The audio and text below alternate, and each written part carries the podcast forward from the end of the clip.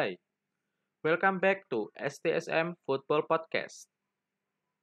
Kita ada di episode match review antara Arsenal melawan Manchester United.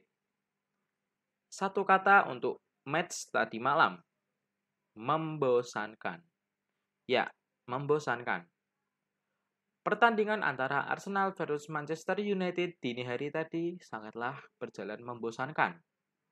Karena pertandingan berakhir dengan skor kacamata.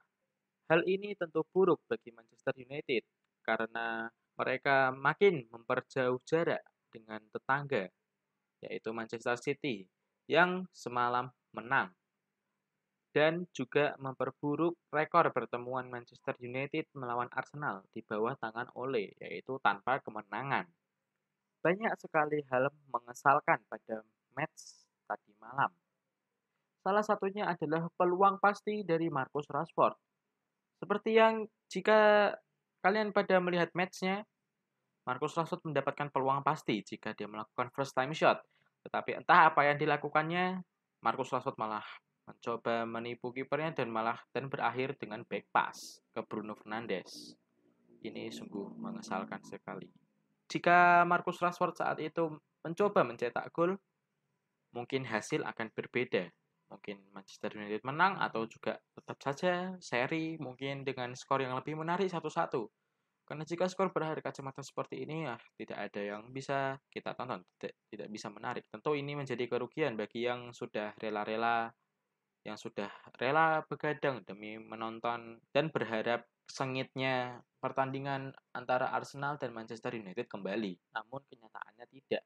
Match masih berjalan seperti mencari hanya mencari aman, hanya mencari satu poin kayak berbagi poin. Gitu saja sudah tidak ada peluang yang berbahaya. Tetapi pada match tadi malam masih mending daripada yang match-match yang kemarin. Karena di sini kita bisa masih bisa melihat banyak save dari kedua belah pihak, terutama David De Gea. Dave saves is back. Bisa dibilang Arsenal memang sedikit beruntung pada match tadi malam. Karena semua peluang bisa digagalkan dengan oleh Bernd Leno dan banyak yang melenceng. MU harus melatih finishingnya lagi. Jalannya pertandingan sangatlah didominasi oleh Manchester United. Hal ini bisa dilihat dari statistik pada match tadi malam.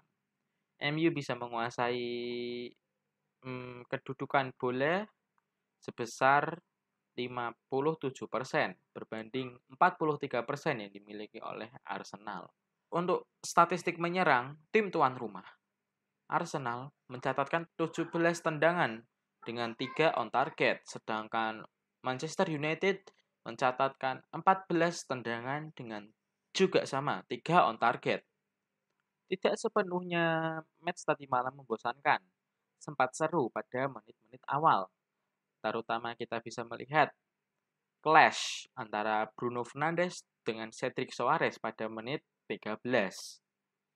Saat berada di udara, Cedric Soares menyikut Bruno Fernandes. Hal ini menyebabkan Bruno Fernandes murka dan Cedric Soares pun diberi kartu kuning.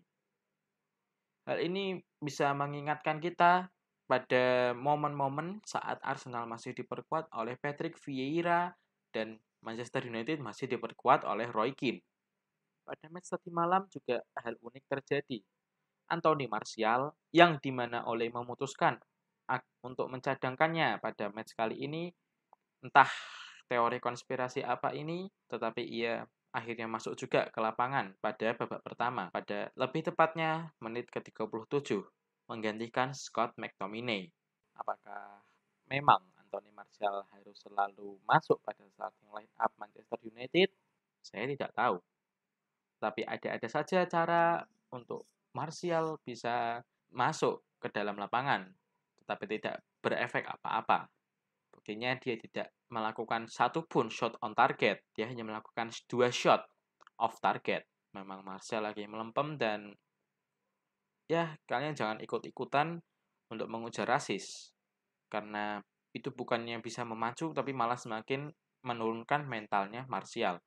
Kita berdoa saja, berharap agar Anthony Martial dapat kembali ke performanya seperti musim lalu.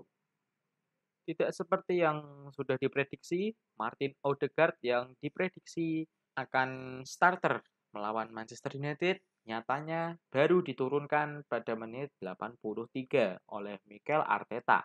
Namun uniknya, menurut media Norwegia, Martin Odegaard yang walaupun baru masuk menit ke-83 mempunyai rating tertinggi di antara seluruh pemain Arsenal. Ingat, ini menurut media Norwegia, negara asal Martin Odegaard. Sedangkan man of the match resminya diraih oleh Aaron Wan-Bissaka karena berhasil mencatatkan 10 ball recovery dan yang terpenting satu save penting. Setelah match ini, MU selanjutnya akan menjamu Southampton pada lanjutan laga Premier League. Tunggu episode pre-match talk antara Manchester United melawan Southampton. Stay tuned and stay safe. Hello, hello.